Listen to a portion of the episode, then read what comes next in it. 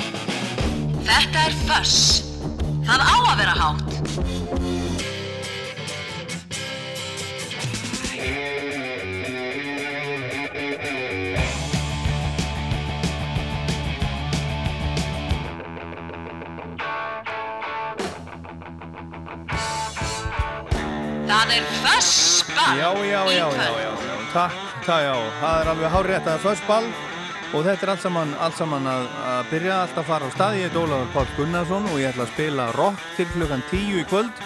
Alls konar rock sem ég er búin að týna til eh, gammalt og, og nýtt. Og svo eru við fast í liðir eins og venjulega. Við fáum sendingu, við fáum pistil og lag frá vini þáttarins eftir svona korter eftir hálftíma klukkan 8 tæpan hálftíma ætlum ég að opna fyrir Óskalagasíman 5687123 fyrir rock Óskalagin, þetta er jú rock þátturinn Fuss Svo er það Plata þáttarins uh, sem við heyrum svona þrjú lög af líklega. Það er, það er platan Deep Purple uh, in Rock.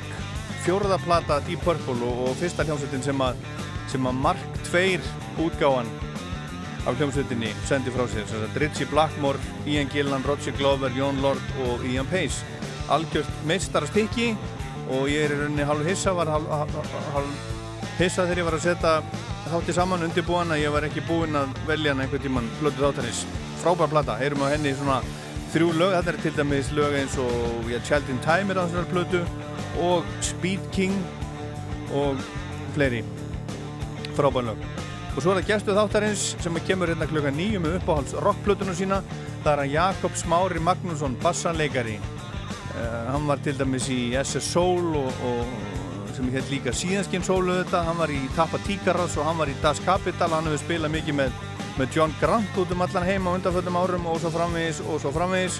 Hann mætir með uppáhalds rockblötunum sína klukkan klukkan nýju í, í kvöld.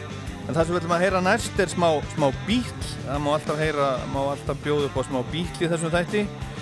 Og það var akkurat þennan dag árið 1967 sem að platan Sgt. Pepper's Lonely Hearts Club Band fór í fyrsta sæti á vinsaldalistanum í Breitlandi og var þar í 23 vikur í það heila. Þeir voru 129 daga að taka upp þessa, þessa blötu og byrjuðu í desember 1966 og þannig svo sem ekki mikið rocka á henni þannig laga en þetta er svona það sem að kemst kannski, kannski næsti. Getting Better. Þetta er alltaf verið að betra.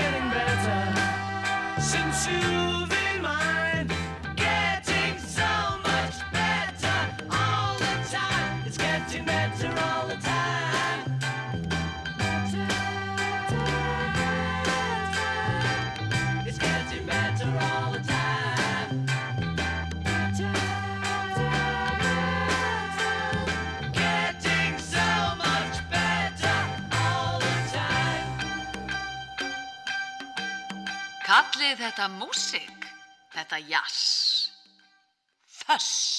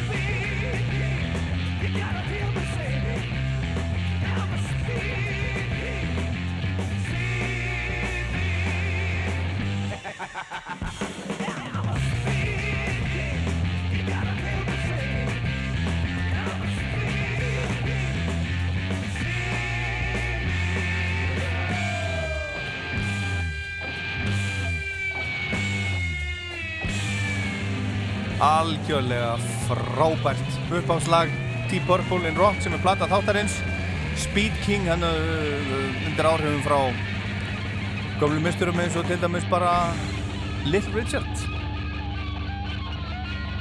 Það er bara svo leiðis en við byrjuðum þáttinn á nýju lægi frá ljómsveitinni Dimmu, ég glemdi, glemdi að, að, að kynna það, afkynna það. En Dimma var að senda frá sér blödu, sjöttu blötunum sína sem að heitir Þögn, hún er komin út á geisladisk og hún er komin á Spotify og þeir, þeir Ingo Gerdal og Steppi Jak söngvari verða hjá mér í, í Rocklandi á sunnudaginu, við, við heyrum hlustum aðeins á nokkur lög af þessar blödu og, ég, ég spjalla við á. En það er meira nýtt íslenskt rock sem er að koma út þessa dagana, við höfum aðeins heyrt í þessum þætti í hljómsveitinni Chernobyl Jazz Club. Uh, þetta er fólk sem hefur verið í hljómsveitum eins og Black Desert Sun Bootlegs, hann Elli bassarleikari var í, var í, og er í Bootlegs. Uh, trommari var í Pornopop og, og Siggi gítarleikari var í, var í Dos Pilas og, og einhver hefur verið í hljómsveitinni Blí og þetta er svona þetta er bara þungar á hljómsveit og þau voru að senda frá sér, frá sér plödu, hún er komin á, á Spotify, heitir grímulaust og við skulum heyra hérna lagafinni sem heitir Útför aðalsins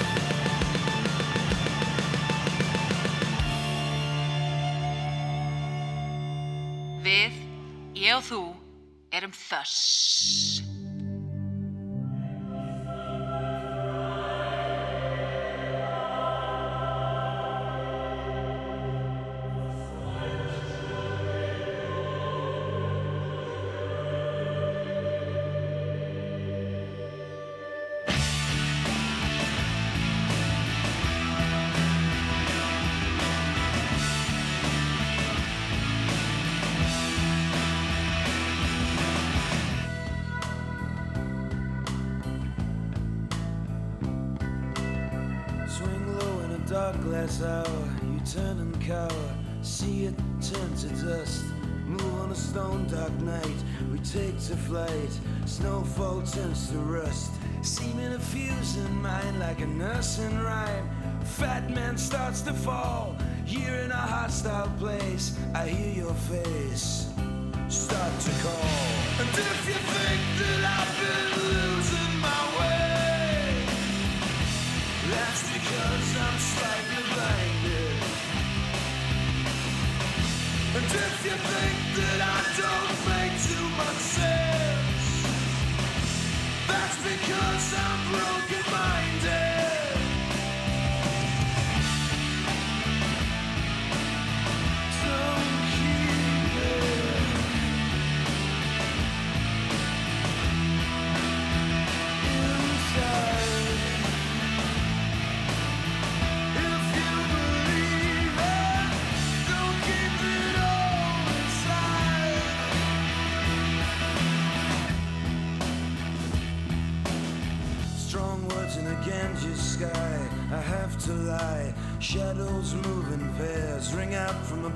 postcard in the shooting yard. Looking through the tears. Out of the black slate time, we move in line, but never reach an end. Falling along straight down as the ice comes down. Rivers start to bend. And if you think that I've been losing my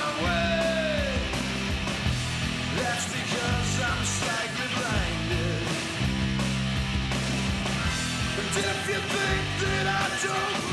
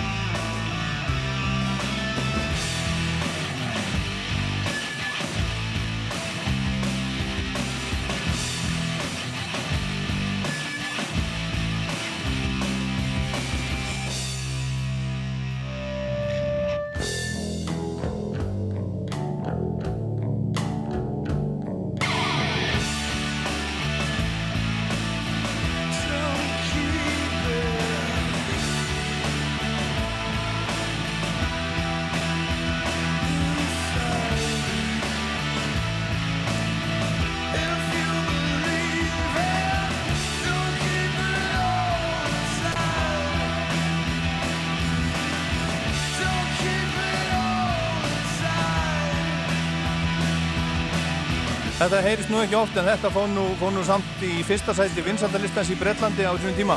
Árið 1994 þetta er hljómsveit frá Primrose Hill í London þetta er Stiltskin og hún er ennþá starfandi en þetta er eina, eina lægið þeirra sem hefur, hefur eitthvað náð einhverjum, einhverjum árangri á, á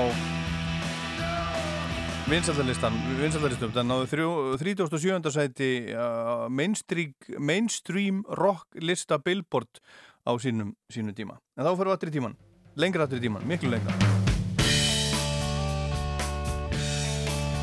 Komið að sendingunni frá vini þáttanins Steve Marriott á marga aðdáðundur hér á Íslandi sem um allan heimenda á ferðinni frábær söngvari, gítarleikari og lagasmiður Hann er fættur í januar ár 1947 inn í verkamannafjölskyldum. Fadir hans var prentari og spilaði á piano á kvöldin á pöpum hverfisins og því lág við að sonurum myndi einni fást við tónlist. Hann eins og aðrir ungir enskir strákar á uppvakstarárunum hlustaði á ameríska tónlist og helstu fyrirmyndur og átrúnað góð sem voru Buddy Holly, Booker T and the MGs, Ray Charles, Otis Redding, Muddy Waters og fleiri. Árið 1965 stopnaði Steve Marriott á samt félagum sínum þeim Ian McLagan á hljómborð, Ronnie Lane á bassa og Kenny Jones trommur hljómsveitina Small Faces sem við heyrum í hérna á bakvið og hún sló rækilega í gegn en þeir hættu uh, í mars 1969. Á þessum tíma áttu þeir hvert smellin á fættur öðrum og komu tíu lögum inn á top 10 á breska vinsættalistanum og einu þeirra í, í efstasæti. Það var held ég öruglega þetta lag hérna, All or Nothing. Stóru plöturna þeirra sem að voru þrjár, þær gengur líka vel og einn komst í efstasæti breska listans. Og vinsældir Small Faces voru ekki síst Steve Marriott að þakka en hann var strax frá upphafi leiðtói hljómsveitarinnar en í mars 1969 gekk hann úr bandinu og í framhaldi var, var hljómsveitin leist upp en Marriott hafði þá þegar stopnað með vinu sínum uh, Peter Frampton og þeim Greg Ridley á bassa og, og trommarannum Jerry Shirley hljómsveitina Humble Pie og Humble Pie sem menn töluð um á þessum tíma sem, sem uh, supergrúpu náði strax miklum vinsaldum og þeir náðu vinsaldum í í Ameríku sem að Small Faces náðu aldrei. Þeir gáðið fjóra plötur á árunum frá 1969 til 71 sem allar fengur góða dóma og seldust vel. Þeir voru frábærir á tónleikum og nötu mun meiri hilli í Ameríku en á, á heimaslóðum. Peter Frampton hætti í hljómsveitinum hausti 1971 og inn í bandi kom þá frábær gítarleikari Clem, Clem Clemson og í framhaldi kom út mest selda platan þeirra, Smokin, sem að fór í sjötta sæti vinsaldalistans í Ameríku og tvær aðra plötur fylgdu í kjölfarið, ekkert svo góðar en bandi hætti svo 1975. Og svo heldur þetta áfram, Marriott endurvakti þá Small Faces og það endist til ásins 1978, í þrjú ár, en þá hættu þeir og Marriott endurvakti þá Humble Pie. Og þeir störfuðu til ásins 1983 en tími þessara begja hljómsveita var bara liðin og ekkert merkilegt sem að frá þeim kom á þessu tímabili.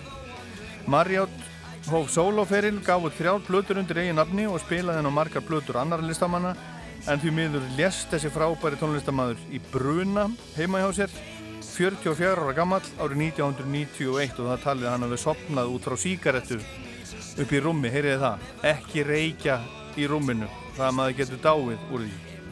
En Marriott var góður gítarleikari en fyrst og fremst frábær söngvari og hafði þessa háu og rosalega kraftmiklu rödd og Ozzy Osbourne, Paul Stanley úr Kiss og Steve Perry söngvari úr Journey hafa allir lofað Steve Marriott sem söngvara og, og hafa talað um hann sem fyrirmynd.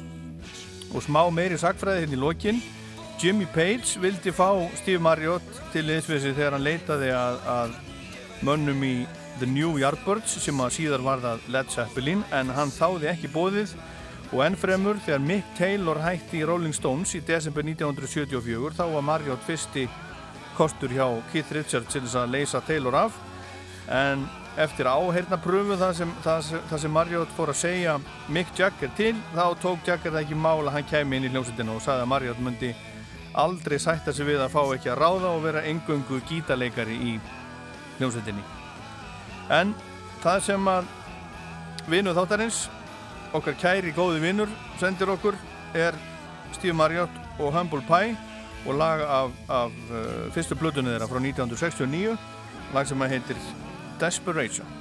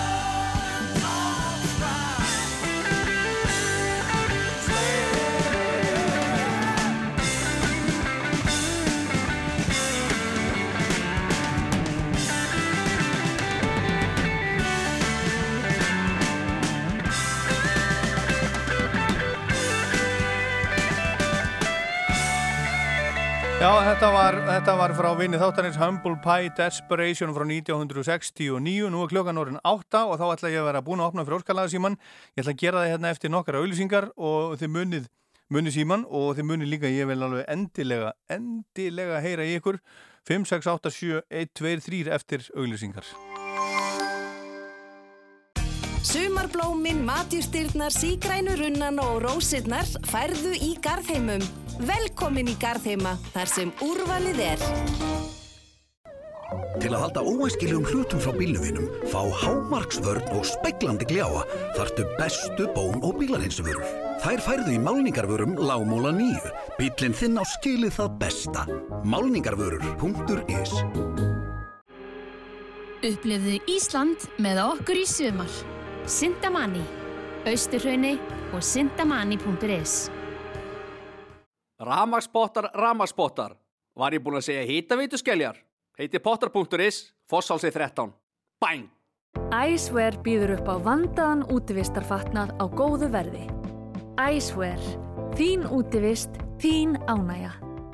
Komdu á Garndaga í A4 20% afsláttur af öllu garni og hannirðavörum A4 Mikil eftirspurn eftir íbúðarhúsnæði skráðu eignina hjá okkur í tröstum höndum í ára tugi fastegna markaðurinn Óðinskötu Þegar ég grilla kemur bara SS grillkjöt til greina Úrvalið er frábært við það bara að sjá til þess að grilla þetta góða kjöt af snild og velja gyrnilegt meðlæti SS Fremstir fyrir bragðið Við ætliðum að hittast næstu Hafðu það gott í sumar.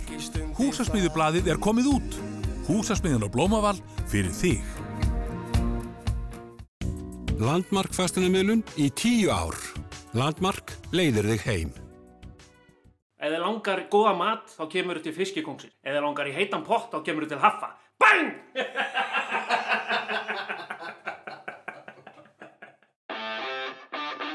Hjámiðja, höggborvél og sponsbor. Eigum þetta allt og miklu meira. Verkfærasalan. Alvöru verkfæri. Kombótilbóð á Grill 66, El Rino Ostborgari, franskar kók og snikkers á aðeins 1349 krónur. Grill 66, við erum á Ólís. 120 gramma hambúrgarnir frá kjarnafæði innihalda 100% nautgripakjött og því frábæra á grillið eða pönnuna. Veldu gæði, veldu kjarnafæði. Kjörvari. Íslensk viðavörn fyrir íslenskar aðstæður. Málning. Þrýr, tveir, einn. Við kveikjum á sumrinu. Krónan. Grillið klárt. Hvað með steikina? Þú velur ferska steikina beint úr kjötborði Hagkaups í Kringlunni og Garðabæ. Hagkaup. Meira ferst. Alla daga. Skráðu þig á postlista á bíkó.is og þú ert komin í pottin í sumarleik Bíkó.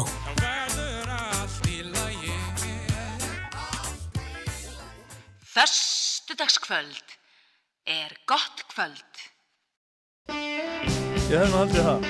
Föstudagskvöld er gott kvöld, nú er föss, klukkan aðeins meiri náðan og um, hann er 6 minútur gengin í 8 og gengin í 9, 6 minútur yfir 8, 6 ála minútur yfir 8 og síminn alveg galopin hérna og númerið alltaf það sama, sama og í nætuvættinni og, og, og bara þegar fólk ringir hérna á rást 2, 5, 6, 8, 7, 1, 2, 3 og nú skal það vera rock. Hver er þar? Halló! Já, hver er þar? Þessar Óskar Pétur heiti ég. Hvað sér, Óskar? Óskar Pétur Einarsson. Óskar Pétur, og hvaðan ringir Óskar Pétur? Uh, Langólsvegi. Já, já. Sunnaverðum. Hvað er, er að gerast í símanni hjá okkur? Uh, er eitthvað að vissan? Það er eitthvað eins og að sé einhver annar að reyna, reyna að komast inn á línuna hjá okkur? Já, einhver tónlist. Ég hef ekki neitt, sko. Nei, það er einhver, einhver, einhver sót. Jæja, skiptir ekki máli. Já, nei, nei, ég hef verið hér alltaf það. Já. Ég hérna, einhvern tíman um árið baði ég um að spila fyrir mig Sister Anne með MC5. Já. Ertu kannski fastur í, hérna, enga mottinu í kvöld? Nei, nei, nei, nei, nei, nei, nei, nei, nei, Ha. Anne með MC5. Já. Ef að heyra það? Það er svo gott átróið á því. Það er bara með betri átróum sem ég veit. Já. Ok, þannig að ég verð að spila þá allt, allt lagið.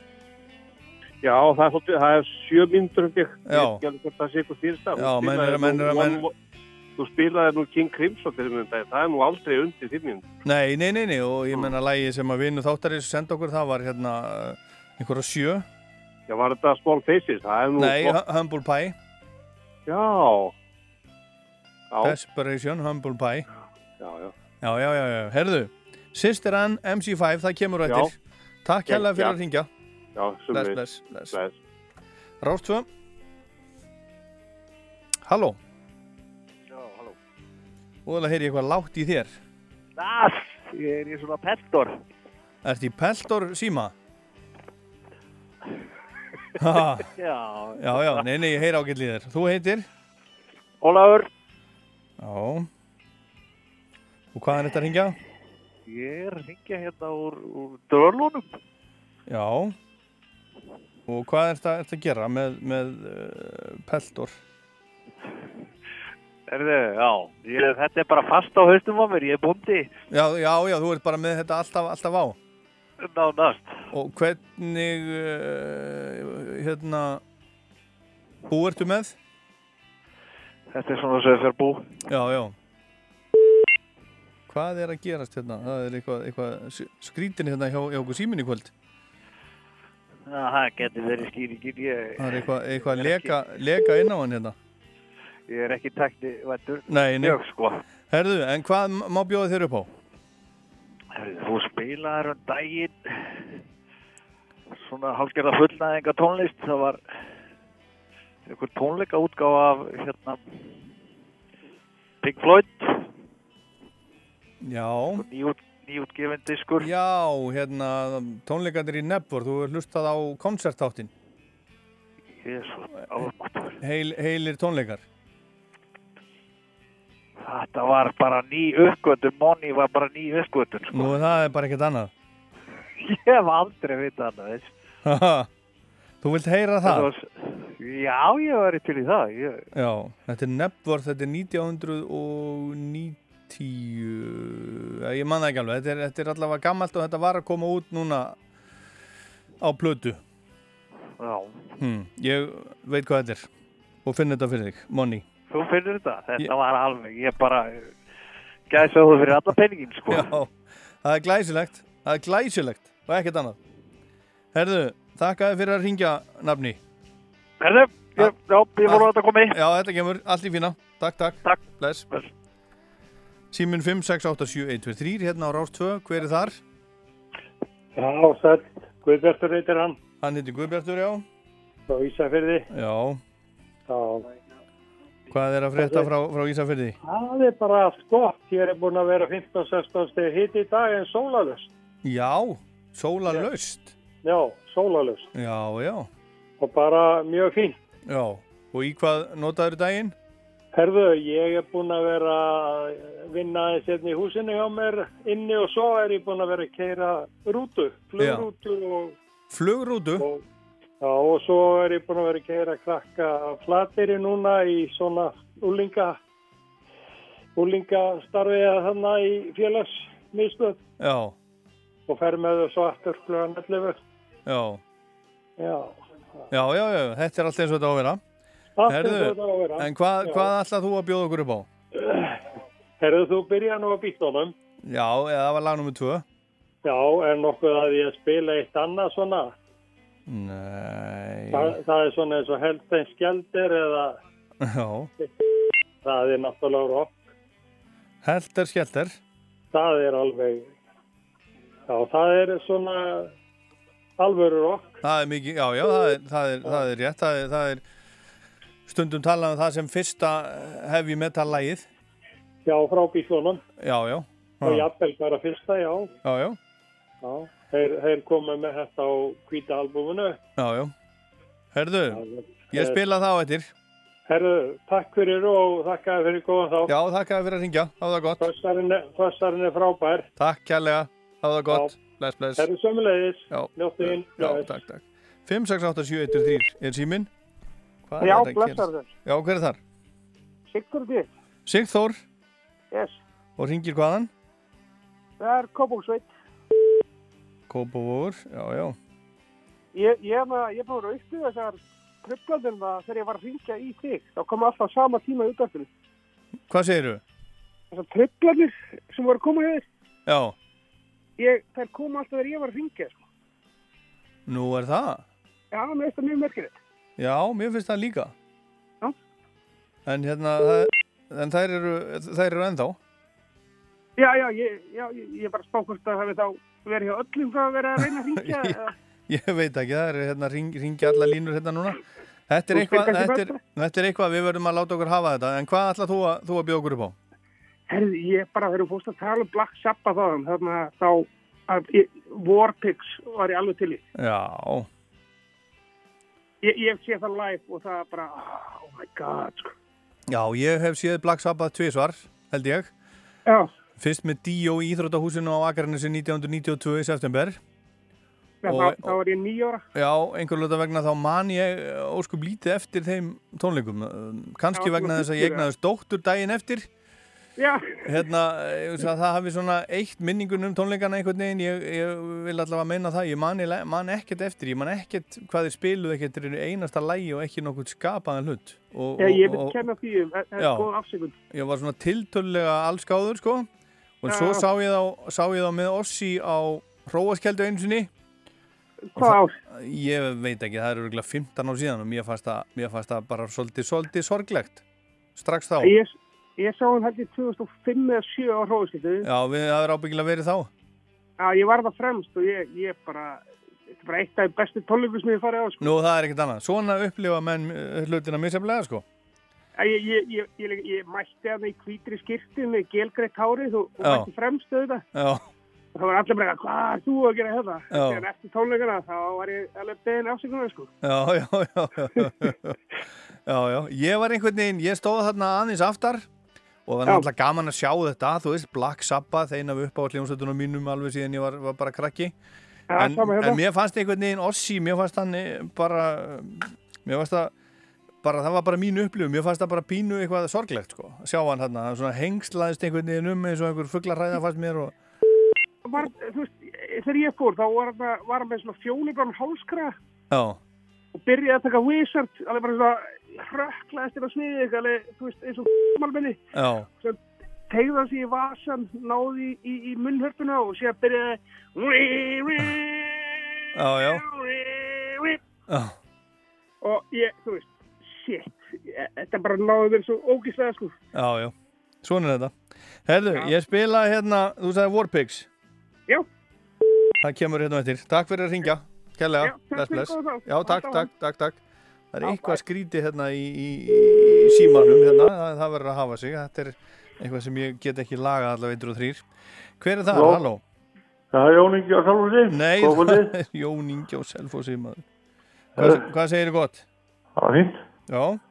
Já. Og hvað ætlað þú að bjóða okkur upp á? Thin Lizzy. Já. Cold Sweat. Cold Sweat. Já. Herðu, Cold Sweat. Þá er það bara komið, þá er óskalegu kvöldsins bara komin. Já, ég þakka kjallaði fyrir. Takk að kjallaði fyrir að ringja og hlusta æfilega, alltaf. Já, bless, bless. Uh, ég ætla að spila næst lag fyrir, fyrir, fyrir góðan, góðan félaga og, og vin sem að ég frétti bara núna setnipartin í daga hefði hefði fallið frá. Mikill mikill tónlistráhuga maður ég ætla ekki að það er ekki að hæfi að ég, ég nefnan vegna þess að þetta gerðist bara í dag en ég ætla samt að spila langar samt að spila hérna fyrir hann húnu til heiðus þetta lag hérna. Næst. Þetta er Liverpool maðurinn Ian McNabb og Crazy Horse eru, eru þarna með honum. Tveir úr Crazy Horse bandi Neil Young. Það heitir Fire Inside My Soul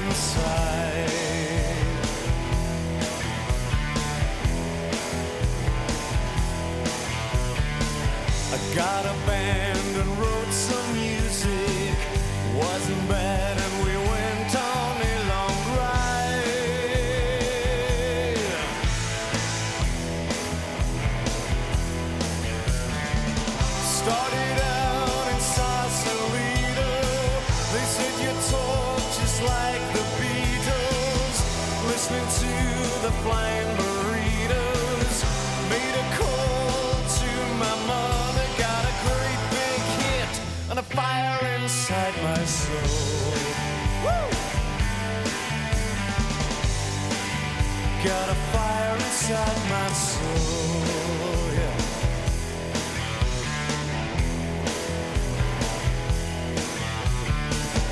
fell in love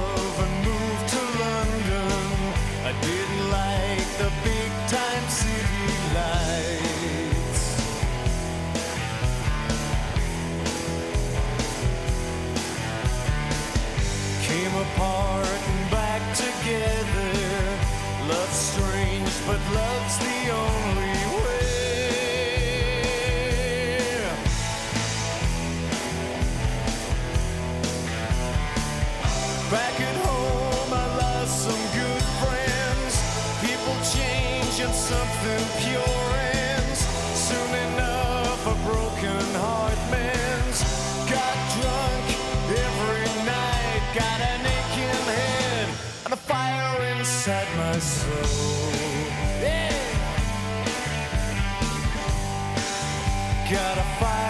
inside myself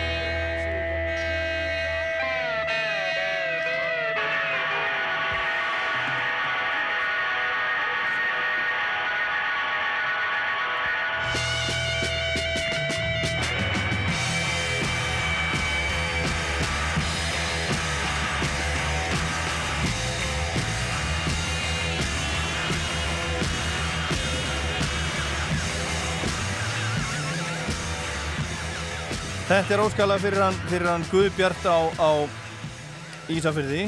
Bítlarnir, heldur skellter af, af White Album og þetta er, ekki, þetta er ekki alveg búið. Svo þegar, þegar U2 gaf þetta út á plötunni Rottland Hum þá sagði Bono, hvað sagði hann? It's a song Charles Manson stole from the Beatles, we are stealing it back. Og svo spiluðu þeir heldur skellter og gerði það alveg ágætlega. Hlustum á þetta til enda. Og svo fáum við auglýsingar og svo fáum við óskalagi fyrir hann, fyrir hann uh, Ólaf í dölunum. Pink Floyd, Money af tónleikaplötunni Live at Network frá 1990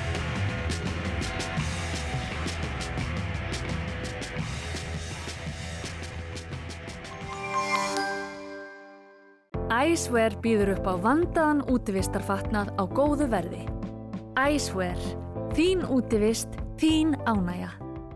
Hágeða kjöt úr héræði, fiskkompani, akureyri. Gúrkur sem bera merkið okkar koma úr nærleikjandi sveitum. Íslenskt grannmiti. Þú veist hvað það kemur. Samvinna virk við fyrirtæki og stopnanir skila sér árlega í hundruðum nýra starfa fyrir fólk með skerta starfsketu. Atvinnu þáttaka stöðlar að heilbreyðu samfélagi. Virk.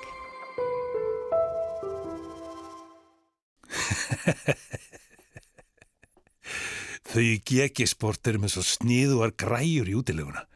Bolla og potta og, og meira segja pressukonur. Gerðu útileguna betri. GG-sport. Smiðju vegi átta. Meiri tryggingarvernd, meira svegrum til að lifa lífinu til fulls. Kynntu þér líf og sjúkdómatryggingu á tm.is. Það besta í lífinu er byggt á öryggi. TM. Hugsum í framtíð.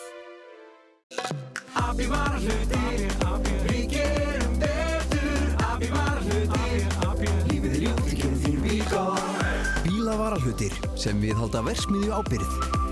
Við tökum vel á móti þér um land allt. Abbi var hlutir Þinn hagur í bílavarahlutum. Júni mættur og bjart framöndan. Ekki síst eða vinnu potið sem stefnir í 35 miljónir. Ha, Lotto, leikurinn okkar. Þú fær 20% afslátt af allri málingu og viðavörd frá Satolín og Pinotex. Komtu strax í dag og byrjað að mála.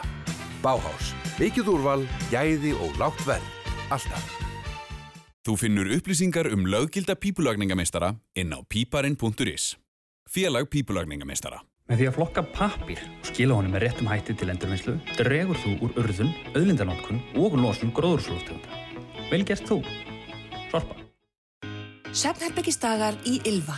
20% afsláttur af öllum Svefnherbyggis húsgögnum, rúmfötum, sængum og kottum og 25% afsláttur af víva rúmum.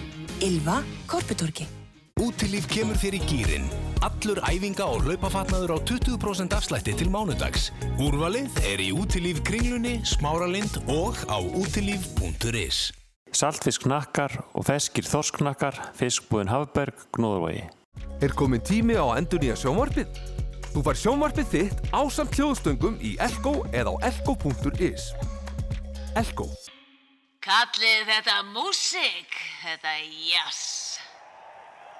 Nefnilega. Og hér er komið óskalægið fyrir hann Ólaf í dölunum.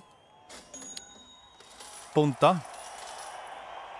Þetta er Pink Floyd Live at Nebworth 1990. Ég spilaði þessa, þessa tónleika í heilsinni í þættinum koncert fyrir ekki löngu síðan og þið getið fundið það á, á, á rúf.is eða í, í rúf appinu ef þið viljið. En hér er allavega Monni.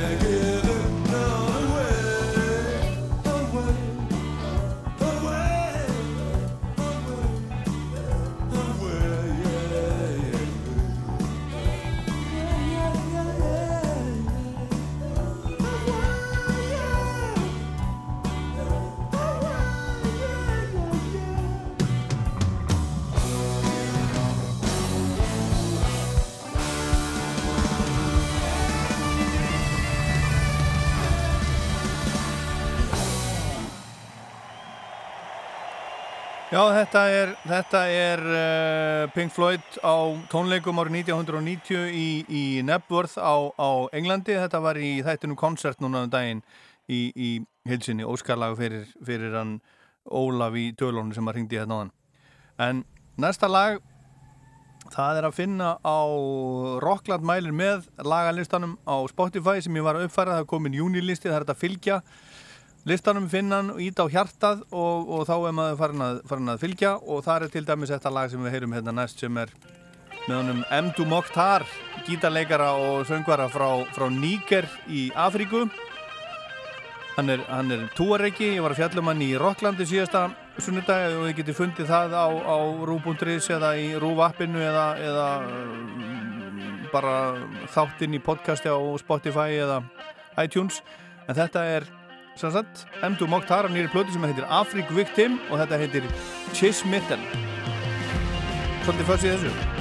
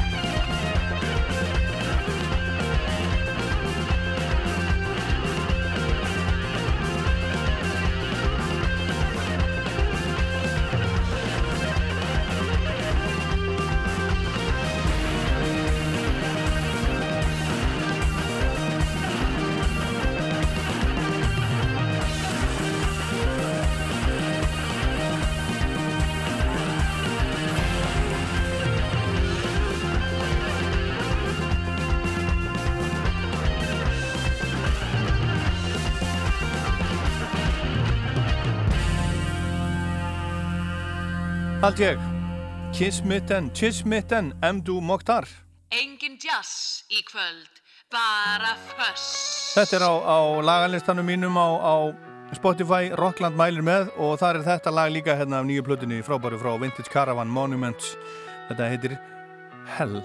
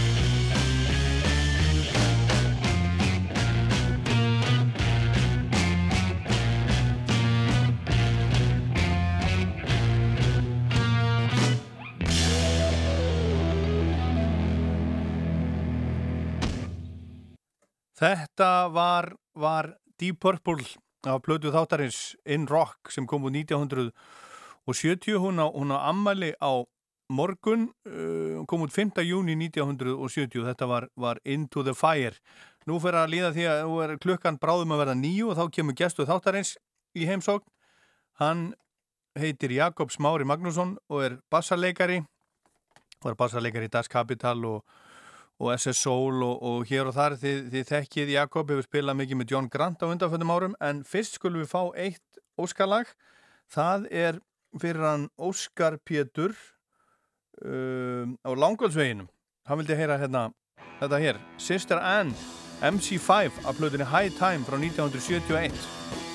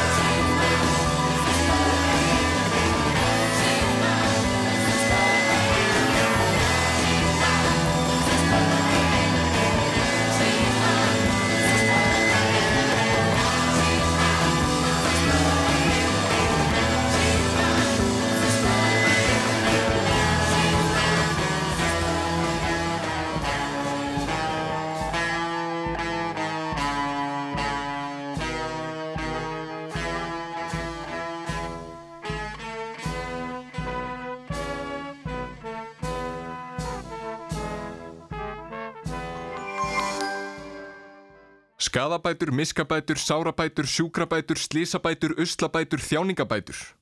Hefur þú orðið fyrir slísi? Viltu sækja réttin?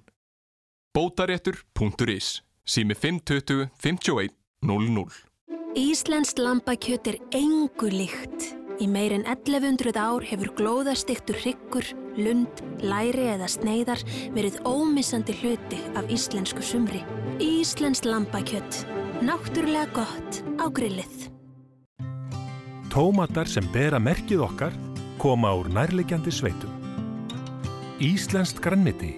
Þú veist hvaðan það kemur. Saltfisknakkar, fiskbúin Hafberg, Gnóðarvægi. Álklæðningar. Þú færð allt til álklæðning á húsi þitt hjá Límtré Výrnett. Maður veit aldrei. Nú júni kominn en sumarið. Hmm, kannski. Nú stefnir potturinn í 35 miljónir. Vinnur þú hann? Kannski. Maður veit aldrei. Lotto. Leikurinn okkar. Komdu á Garndaga í A4 20% afsláttur af öllu garni og hannirðavörum A4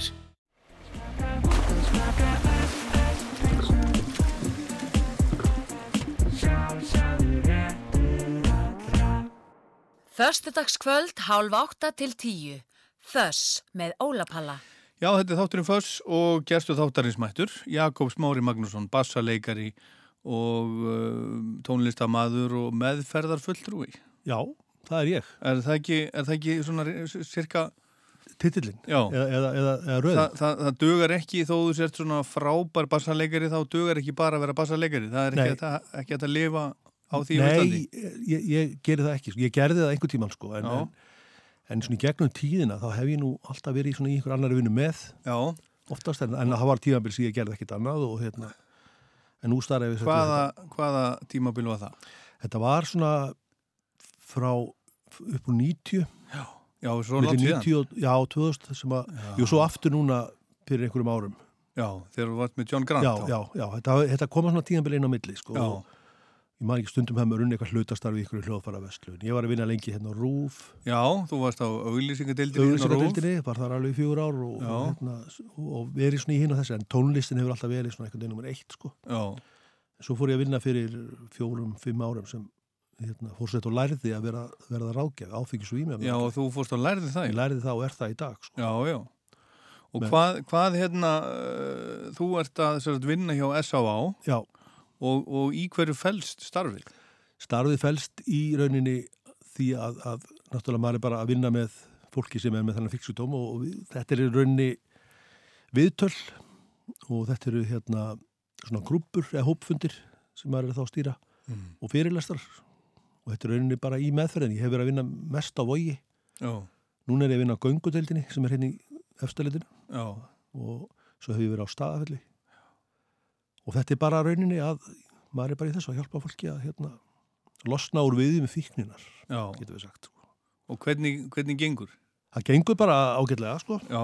já, það gengur ágætlega þetta, veist, það er alltaf einhverju sem að sko, flesti sem fari í meðferð, meiri hlutin náðu þessu, eitthvað eða skilur ná að verða etru eftir eina meðferð, það er allavega rúmlega helmingur ég man ekki hvað það er, 70% eða eitthvað Já, er það? Er það, það? Það, það eru mjög margir sko sem gera það sko og, og svo er einhver hluti sem kemur aftur og, já, já. og aftur og við tökum alltaf á móti Sumir koma aftur og aftur og aftur og svo allt í einu gerist Svo allt í einu gerist Hvað, uh, hvernig útskýrir það? Hvað gerist þá? Það er aldrei, oft er það bara, ég veit, það er alltaf erfitt útskýrað, það er náttúrulega kannski bara algjör uppgjöf sko, þegar þú bara loksist gefst upp og játar þetta bara að þú getur þetta ekki og hérna, og það er svo margt sem fólk þarf að gera, fólk þarf að breyta taldið, svona, taka aðeins til í lífið sínu og hérna, breyta svona viðhorfum og lífstíl og svona sko mm -hmm. og það var svo erfitt og líka fyrir fólk að hérna játa það að það sé með eitthvað fíknsjúdóm eða, eða, ráði ekki við þetta og það er alveg magna hvað þetta dregur fólk alltaf aftur og aftur mm -hmm. inn í nesluna sko að hérna, ég þekki það bara sjálfur að sko, þegar maður fyrir að hugsa sko já, þetta var nú kannski ekki svo slæmt eða maður mann bóðu tímana maður mann þegar þetta var allt í læg og maður mann þegar þetta var gaman. En maður mann kannski ekki þegar þetta var leiðilegt og erfitt og mann leið sem vest og af hverju maður hætti sko, af hverju maður fór í meðferð já. þetta er alveg magnað sko og hérna en sem betur vel þá er fullt af fólki eins og ég segi sem að nær þessu bara, eða verð, nær, nær því að hætta og verða eitthru og já Nú ef það gengur ekki, þá bara tökum við alltaf vel á móti. En hvað er, hvað er stór, stórt hlut alltaf þessu fólki sem að einmitt, nær þessu að verða uh, sem að svo sækja, þú veist, að fundi reglulega á hverjum degi, eða hvernig er þetta? Ég þekki það ekki alveg, maður er alltaf ekki með, með kannski endilega tölur yfir það sko, eða þú veist, fólk sem kemur og kemur svo ekki aftur, maður veit ekki, en, en ma maður bara hefur séð að, að hérna, það er margir sem á að vera eitthvað áratugum saman ég og, og, og svo er það bara mísið hvað fólk gerir í kjölfarið sko. Já. Þú veist að, að hérna, hvort fólk er í einhverjum sjálfsjálfbarsandökum eða, eða, eða ekki sko. Mm -hmm. En það eru auðvitað partur af þessu, að svona minna sig á að vera svolítið í þessu kráti sko. Já. Og hérna, en það er ekkit eina leiðin og eina svarið því svo stuðum við sagt sko. Nei. Þú verður að vera þarna til að Nei. það er bara partur af þessu sko. Það snýst bara um það að vera bara svona bara ná ákveðinu jafnbægi og vera bara svolítið svona virkur bara í samfélaginu bara svona þjóðfélagsþegn. Vera bara að sinna því sem þú þarfst að sinna. Ef þú átt fjölskyldu, vera þá til staði fyrir þau og vera, Mm. ef þú ert í vinnu að sinna því og, og sinna sjálfum þér, þú veist bara líka alveg andlega. Já. og hérna mér finnst að, þessi áhersla á A stöndum allt og mikil sko. Maður er að vera þar það sem eftir ræfinar og helst mörgur sem í viku sko. Og þá, þá ertu kannski þú veist og sumir velja það og fíla það sko. Mhm. þetta snýst alltaf um eins og sumir segja hvað ertu að gera á milli funda Mm Já, já, já, já, og akkurat. svafstu bara til þrjú og hérna Já.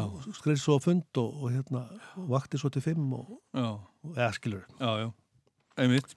Þannig að þú ert í þessu. En, í en, þessu. En, en, þú, ert að, þú ert að spila líka og ég var akkurat bara, hérna, þegar ég á leiðinni, leiðinni í útarpið, þá var ég að hlusta á blödu sem að þú gafst út í fyrra, sem heitir Rising. Rising, já, Sá, varst að auðlýsa á Facebook að þetta væri nú ekkit sérstök blad. Nei, nei ég, ég, þetta var svona meira í gríni sagt sko. Ég, hérna, ég gerði þetta, ég byrjaði svona að leika mér að taka, svona, gera músik heima í fyrra, fyrir árið síðan Mhm. og hérna, hef verið að fykta mig áfram með alls konar synda og alls konar svona bara pró- prófa eitthvað nýtt. Já, já, sko. þetta er svona instrumental, syntar og bassi. Já, já, svolítið svona 80s feelingur kannski á þessu, ég hef 70s eða sumir, en það skipt, ég veit ekki, en allavega, og til að byrja með þegar ég var, var að þessu, þá var þetta svolítið bara synda, sko, svo fór ég að bæti þetta bassa og svo þróaðist þetta einhvern veginn, þannig að það var svona, já, bassar, bandalus bassi mikið og hérna, og svo var ég bara allir komið fullt af lögum og ég hugsaði bara, æ, heyrðu, hefur ekki bara gefað þetta út, Já.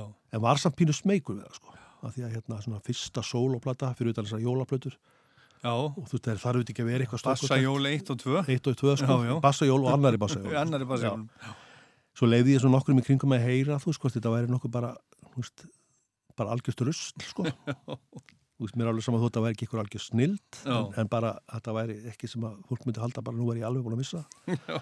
svo bara gaf ég þetta út og þetta, þú veist, hérna bara á Spotify sko. Já, já, þetta er þar. Já, þetta er þar og þar getur fólk hlusta eða vill sko. Já, leiti bara Jakob Smári Magnússon og hún heitir Rising Platan. Já, það heitir Rising sko, ég hafði ennsku löfna á þessu, ég veit ekki hvort ég var eitthvað að hugsa um að meika það sko. Já.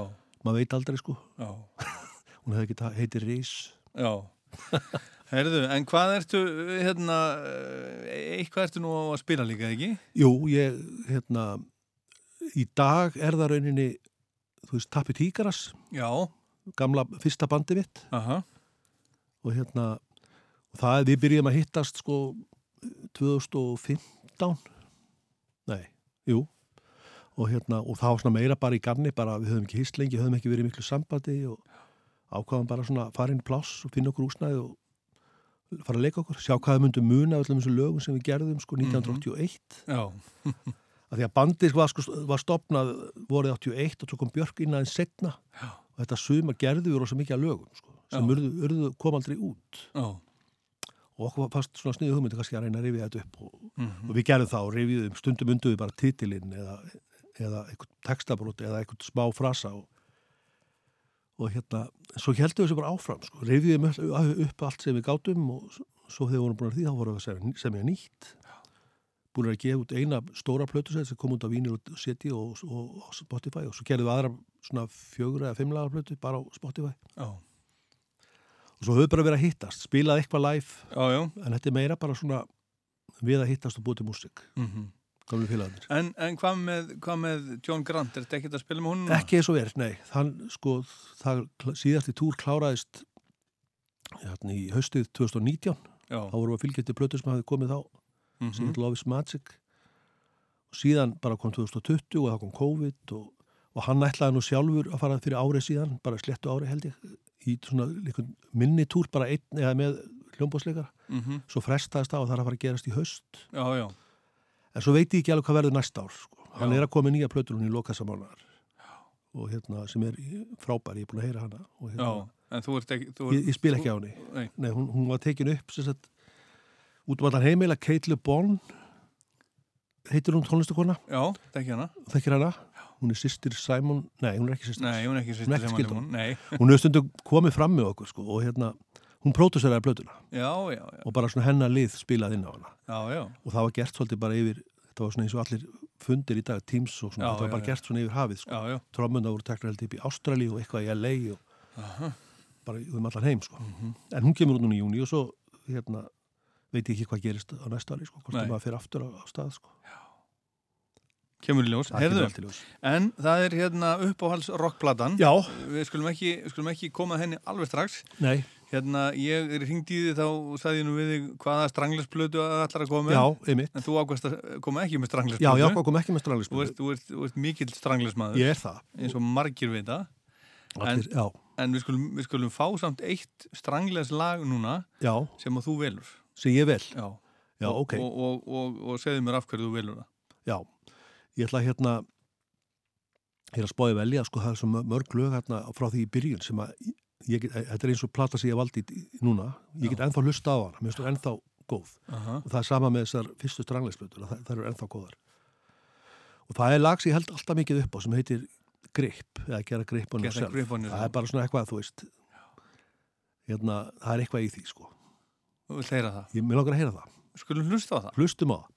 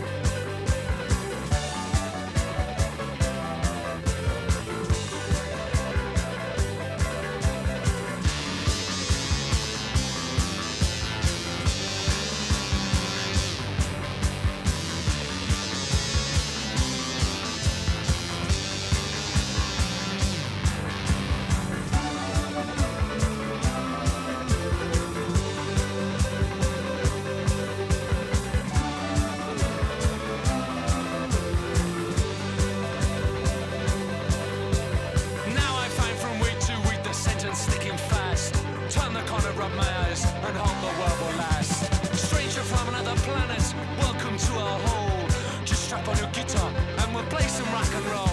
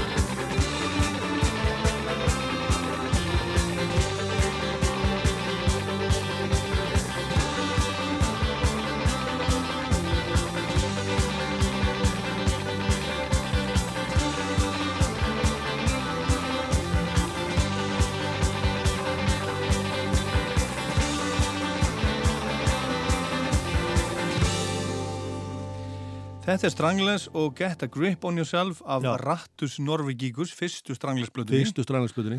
Sem að, sem að uh, þú hefði nú alveg getað komið með hérna sem uppáhalds Ég hefði getað rock- komið með rockplatan. Auðveldlega. Já, já. En hérna, eh, það var nú bassarleikari hérna akkurat í þessu sæti, í sama sæti bara fyrir viku, Grímur Allarsson. Já.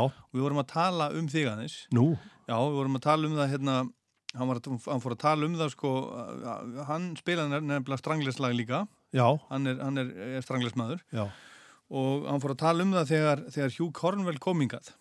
Já. Þegar, þegar þú stökst upp á svið með honum, þá Já. breytist allt í einu sándið bara í hann. Já, það? Já. Ég- Það var einhver, það var einhver stelpa að spila Já, með, já. með hann á hérna bassa Já. og hann sagði að hún var fín Já. og svo, svo kom Jakob upp á svið og þá bara breyti sándið í Já, Strangless. ok.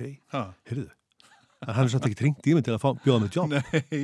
Þetta var, já, þetta var svolítið skemmtilegt. Þetta, var rosa moment fyrir mig að spila með þessum hérna, ædóli síðan ég var bara 13-14 sko. Já, já, ég skal trúa því maður. og hérna og þetta kom til þannig að við, við hittum hann ég og Bubbi og hérna búin að fengni til að hitta hann og spjalli eitthvað við hann fyrir hérna ónefnda útvarstöð Já, og, og nú byttum við.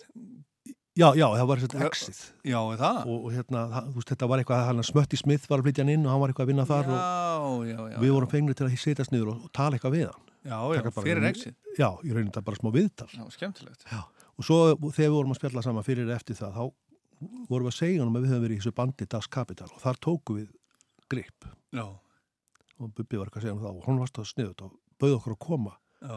Vildi, hvort vildum við ekki koma að taka þetta lag bauð okkur báðum Já.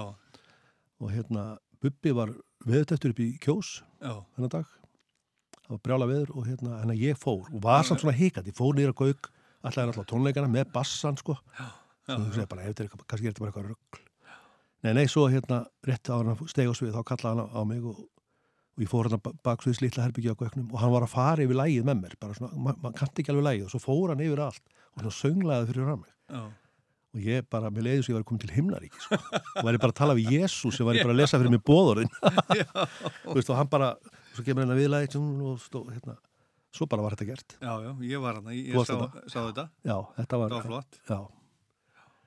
Þetta er hérna, þetta er svona ef maður hittir hetjuna sína. sko. Já, já. Og það er gott ef maður hittir hetjuna sína eins og hann og kemur í ljósa þetta er bara ljúkall. Þú veist, Sómakall. Já, þeir, menn hafa oft talað um það og hittir hetjuna eina sko svona gömlu, þú veist, að, svo er þetta bara einhver, þú veist, það er svo sagt þeir um bassalegarinn í Strangler sko, hann sé algjör skítall sko. Já. Segja þeir sem hafa vunni kringum hann sko, en ég hef hitt hann okkur sinum og hann hefur aldrei verið neitt annað en almenna heitin sko.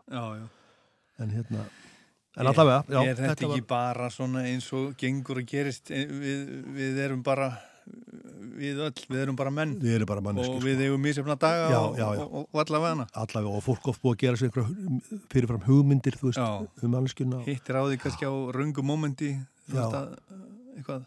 Já, já, ég hitti einhvern tíman sem sagt bara börnel bassleikari stranglist þá, ég hafði hitt hann alltaf hérna heima og við, við vorum einhvern smá samskiptum svo var ég að fara á tónleika með korunni minni að sjá þá í London Já. og hann sagði mér að endilega kíkja fyrir tónleikana og þú veist, koma baksvið og spjalla við sig og þá, ég gerði það sko og, kona minn sagði, hefur oft sagt eftir á sko að þetta hafi verið svo vandræð því ég vissi, hún sagðist aldrei hafa séð mig jafn kjaftstopp ég satt bara hann og, og reyna, reyna að búa til einhverju umræði sko hann var að bera ofan eitthvað und- búa sér undir tónleikana og. Að þetta var, var skrítið moment sko. Maður, var ekki alveg maður sjálfur Já, já. einhvern veginn. Hvað segir við, þú veist? Menni, hvað segir þú hittir Neil Young? Bara Já, ég hitt hann eins og ný, það var mjög erfitt. Já.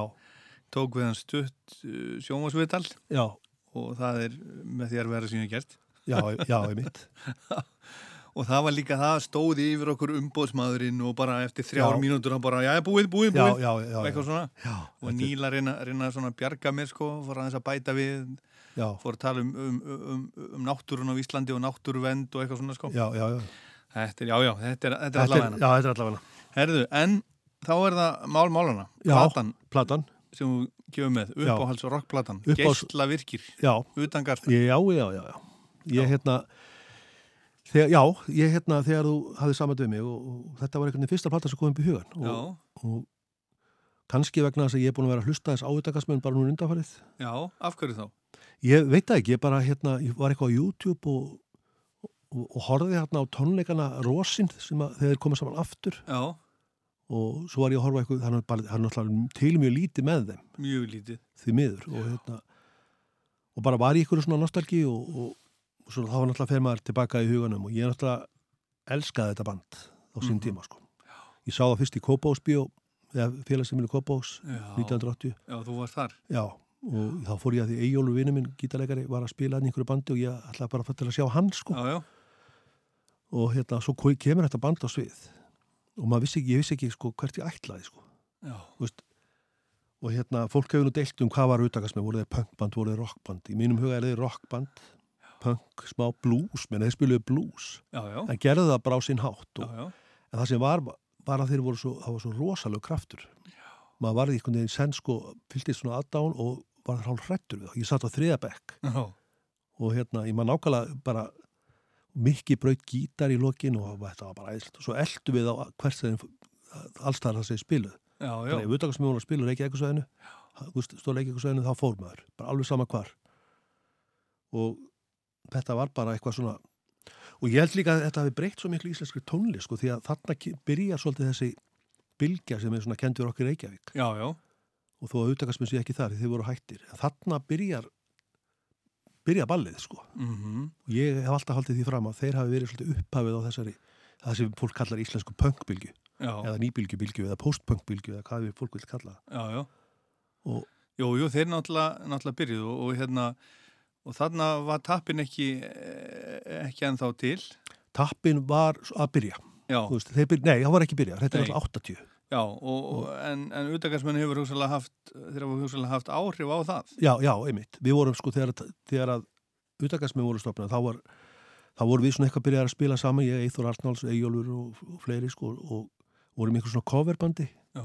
tókum einmitt einhverju utakastmannalög já, menn sé upptöka það sem Eithor er að syngja 13-16 Já, já. þannig að lélega upptaka kassetu og hérna og síðan hérna lag, lag, lagðist tappand niður úr var tappi tíkar það er svona sömu meðlimir eiginlega sko en við fórum að gera okkur eigi og það voru svona mikil áhrif frá utakastmönnum og líka því sem var að gerast þeir starfinn voru að byrja Mhm. við lítum mjög upp til þeirra Já, já.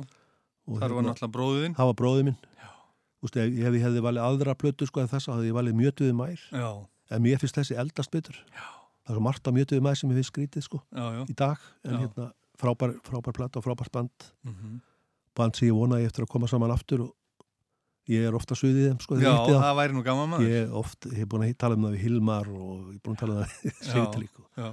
bara gera þetta maður já.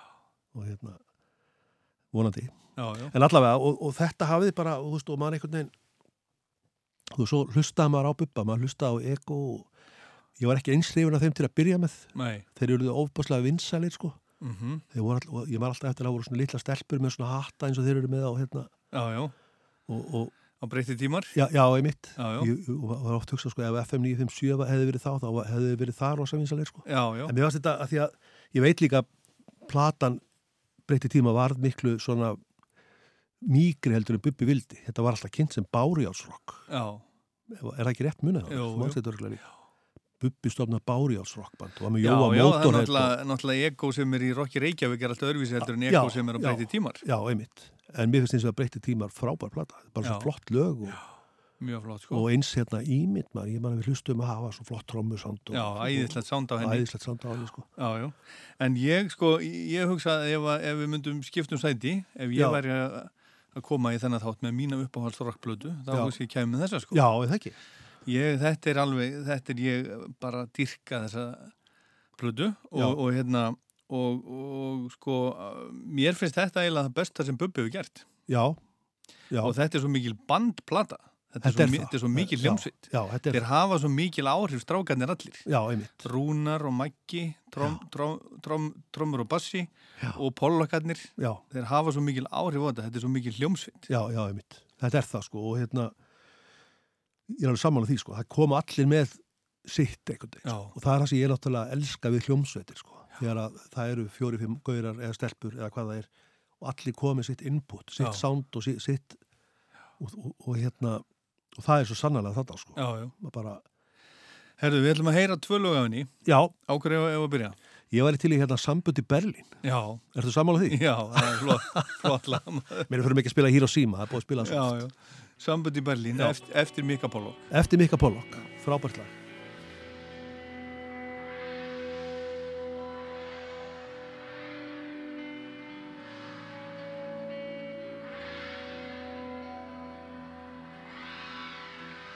Nú þyrla vindar haustsins hinstu blöðum Borgin gerist þung og sljó Skakkur hangi ég á hinnum og þessum stöðum. Bráðum kemur slitta og snjó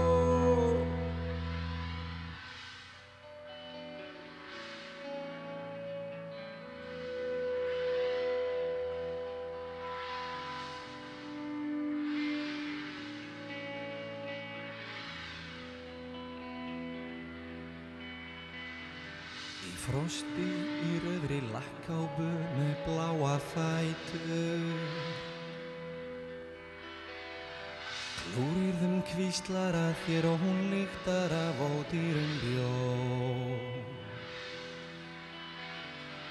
Kynfærin þurr eins og hákarla skrábu Verndarinn var á menni og eftir því stóð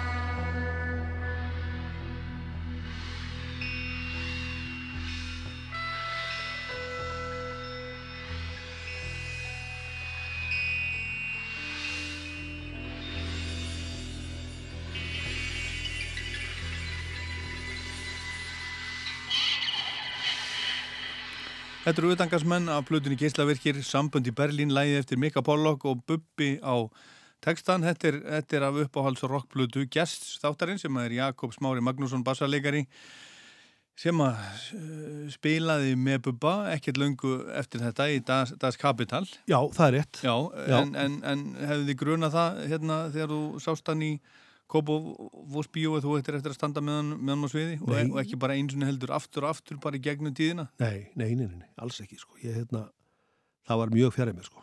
og hérna ég kynntist honum ekkert raunni fyrir en í, hann var í Eko var alltaf stundu við sa- sama skemmtistæðin Hotel Borg Já. og maður fór svona að hitta hann og við vorum kannski saman í einhvern partíum og svona og síðan færiðist það yfir á skemmtistæðin Safari Já. og það er einmitt koman tíminn einhvern tíman þannig að þetta var 84 byrjun árs. Þá var Tappi Tíkarasni hætt hljónstinn við hættum hann í loka 83 og þetta var 84 og, og ég held svona ferillin mér var ég bara búið núna.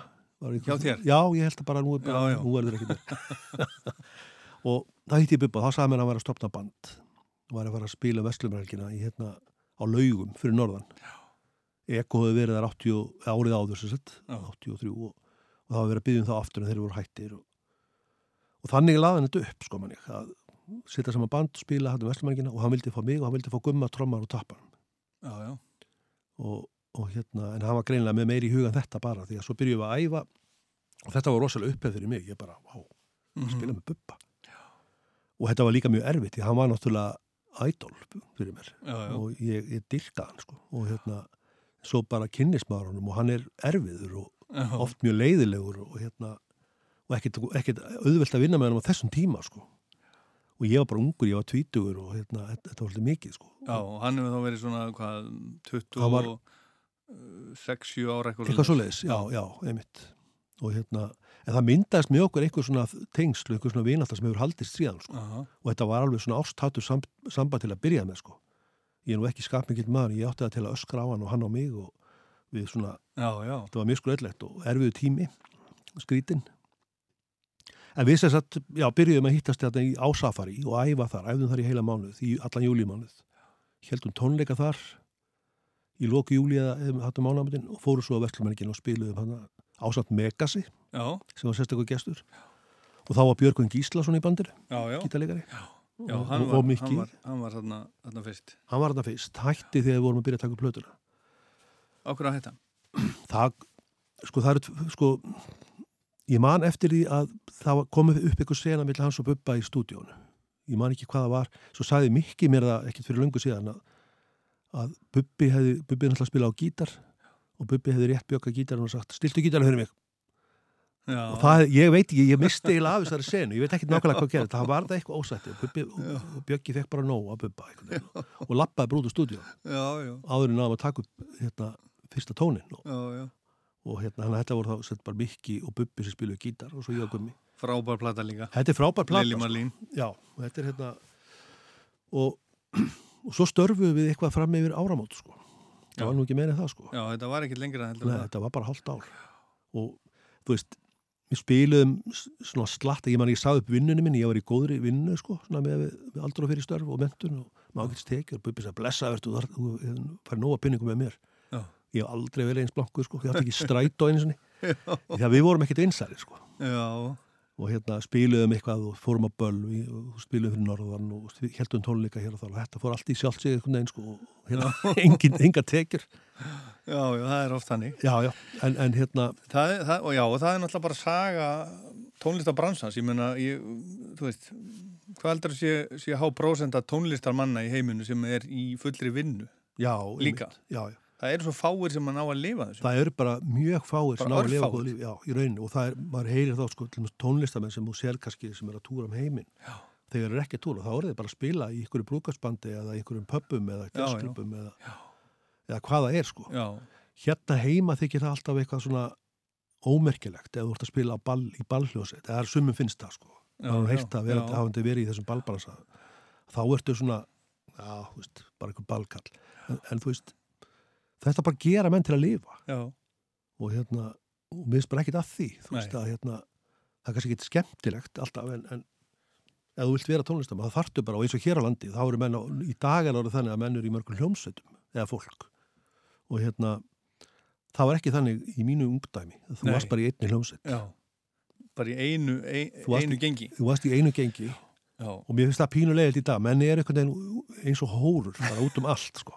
Þú veist, verður bara í einni hljómsveit og, og þú veist, verður svolítið menn þú spilar ekki með skagamönnum og fram Nei. Nei. En þetta bara, en þetta er bara svona, ég, við, við, ráðum ekkit við þetta. Nei, við- við við þetta. breytum þessu, Kann- við, við höfum engin orðið þarna. Er bara- betra að gera þetta heldur en að vera svo bara í einhverju pöppabandi og, og spila til að fá penning ég ég, ég held að þetta sé, þetta ég held að þetta sé allt gott, gott í bland. Já, bara já. Ef, ef, ef fólki líður vel með Ja, það sem það er að gera. og ég, menna það eru, hérna, það eru, maður að sjá hérna til dæmis uh, trommara og gítarleikar og sem eru bara að spila með öllum. já, já, já og kannski, það, er, það er bara eins og það er. já, ég er kannski bara svona bitur gamal maður Ég veit ekki. Nei, ég held nei, ég held ekki nei, nei, ég segi svona, ég, þetta er bara breytti tímar þú veist, og, en auðvitað var þetta oft hérna ég, mena, ég var að spila með þessu sól og svo var ég að spila með tóttmobil og það var ekki veist, það var ekki litið svona, það var ekki ánæði með það sko. Nei, það var ekki, ekki ekki, nei. Ég- þannig. að ég þurfti að velja sko. Herðu, en Já. hérna, hérna, utangarsmenn. Utangarsmenn. Hvað heldur þú hafi séð á oft? Ég veit ekki, ég hef séð á, ég veit ekki, ég get, get ekki talað, þetta voru þetta var alltaf ekki langur tími sem þið störfuðu sko. Eitt og hálft ár Eitt og hálft ár Ég man, sko, maður man alveg svona eftir svona ólust eftir, þú veist, tónleikum eins og þannig Kópásbíó, Fjölbjördi Breiðolti Tónabæ, þetta er mynda mér þar Já, Þess já. að Ég stend í krátinu og er að tegja mig svona í áttina að góðinu Já, já. Ég átti þess að myndi, en ég finna hann ekki og hérna, ég var eftir síðustu tónleikunum þegar í háskóla bíó, ég var þar Já. og svo sá maður alltaf í lögatursöllinu þegar ég spiluði með klass Já. og hérna og bara út um allt sko maður hérna ég veit ekki, ég veit ekki hvað voru mörg skýt þeir voru alltaf rosalega duglegir sko Já. en hérna Ég náði aldrei, aldrei að sjá þá ekki fyrir en að þeir komu aftur að árið 2000 Já. þá uh, fór ég með þeim ringin já, einmitt þá spiluðu þeir hvað í höllinni og þeir spiluðu fyrir norðan? Þeir spiluðu í Sjallanum, þeir spiluðu í, í Egilsbúð Já. Neskóstað og þeir spiluðu í flugskíli fyrir utan Borganis alveg rétt, já. Og, og, og á miðjum tónleikum þá, þá hérna, klikkaði rafmagnið þannig að þeir spiluðu undir einni svona rúsneska ljósaberu já, ok. Og það var rigning og það laki gegnum það ekki og Já, það, já. það var svolítið svolítið, svolítið mikið rock en, en ríkisútarfið á upptöku frá þeim tónleikum. Já, það? Já, já, það er til. Já, geggja, ég var að horfa eitthvað á YouTube sem að tekið upp í höllina, það var svona léleg myndgæði frekar, en hérna var bara að kíkja á þetta núna bara um daginn sko. já, já. ég satt með seni mínum sko sem er 24 ára og mikill bubbaðdáðandi sko. Já. og hérna við vorum að horfa á þetta saman og hérna en ég saknaði sko að því maður fyrir mikið á YouTube sko og það er svo lítið til að með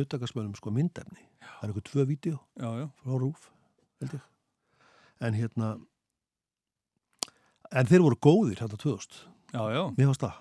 Já, búið að æfa og svona og... já, en, en hérna, já, já.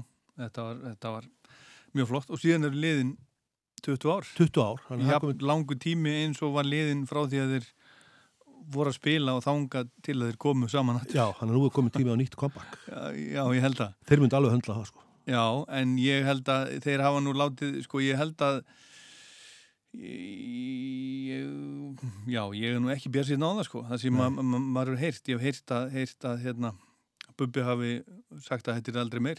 Nei, já, einmitt, ég hef svo sem heyrt það líka sko. En Þannig að það er, hérna- það er mikil synd vegna að þetta er ein bara ein merkilegasta hljómsveit Íslands ögunar já, já, og eins og þú varst að segja á þann, þá sko þá er þetta eiginlega þannig að, að hérna, ef, ef að ég eh, man það rétt þá sko þegar Freyrik Þóri gerði Rokki Reykjavík á svona tíma þá ætlaði hann að gera mynd um Bubba Já, og, og utangarsmenn Já. það var uppleikið já, já, svo bara hætta þeir og, og svona fókusin eh, svona, svona fer í það að verða Rokki Reykjavík. Allar þessar, þessar hljómsveiti sem voru þarna. Já hann, á, Til. hann sko á einhverjar upp, upp, upptökur. Það eru týndar það eru týndar Das Kapital, hann tók upp það er til. já, það er til, Það Das er til. Kapital Já, en á hann ekkert að mynda á hérna Lækjatorgi já, hann á það sko það er til, ég hef séð það já, já, hefur séð það Já. ok, ekki ég Við, ég man að við sendum hérna upptöku af því hérna inn í Skonrock Já. í þáttinu blindskir, við ætlum að hérna fá að það fekk hérna á reytskoða þótt ekki nú vandað já, já. þótt ekki nú gott, það var alltaf bara að læga upptaka já, já. hljóð og mynd já.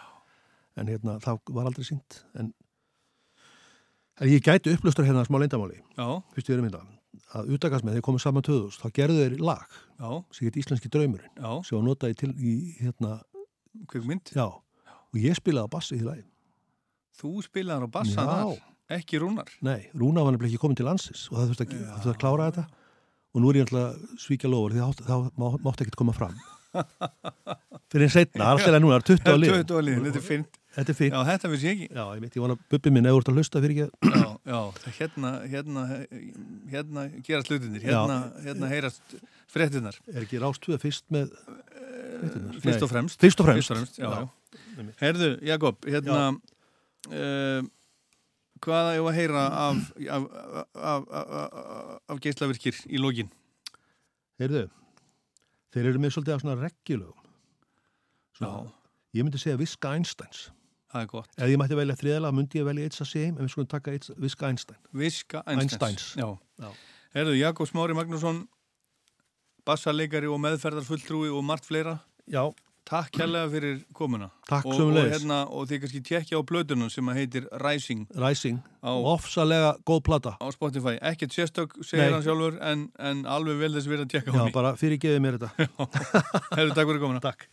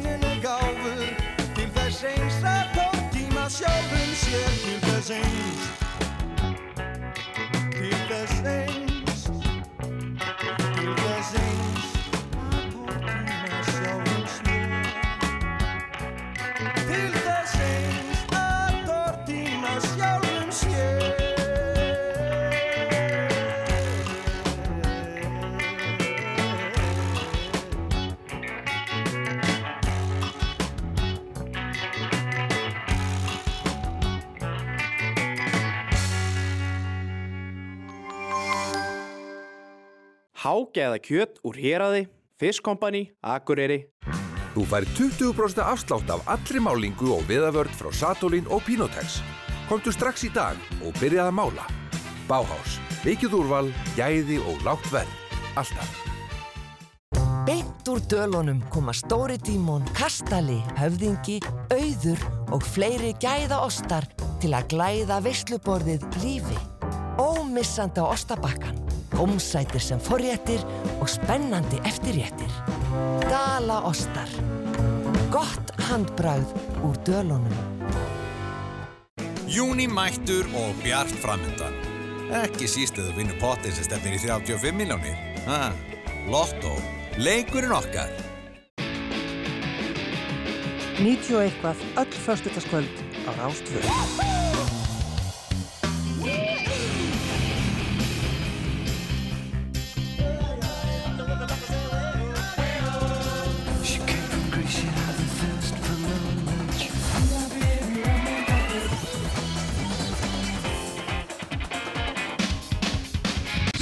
Þau í samkvæmið með Dodda Littla á föstudagskvöldi klukkan 10.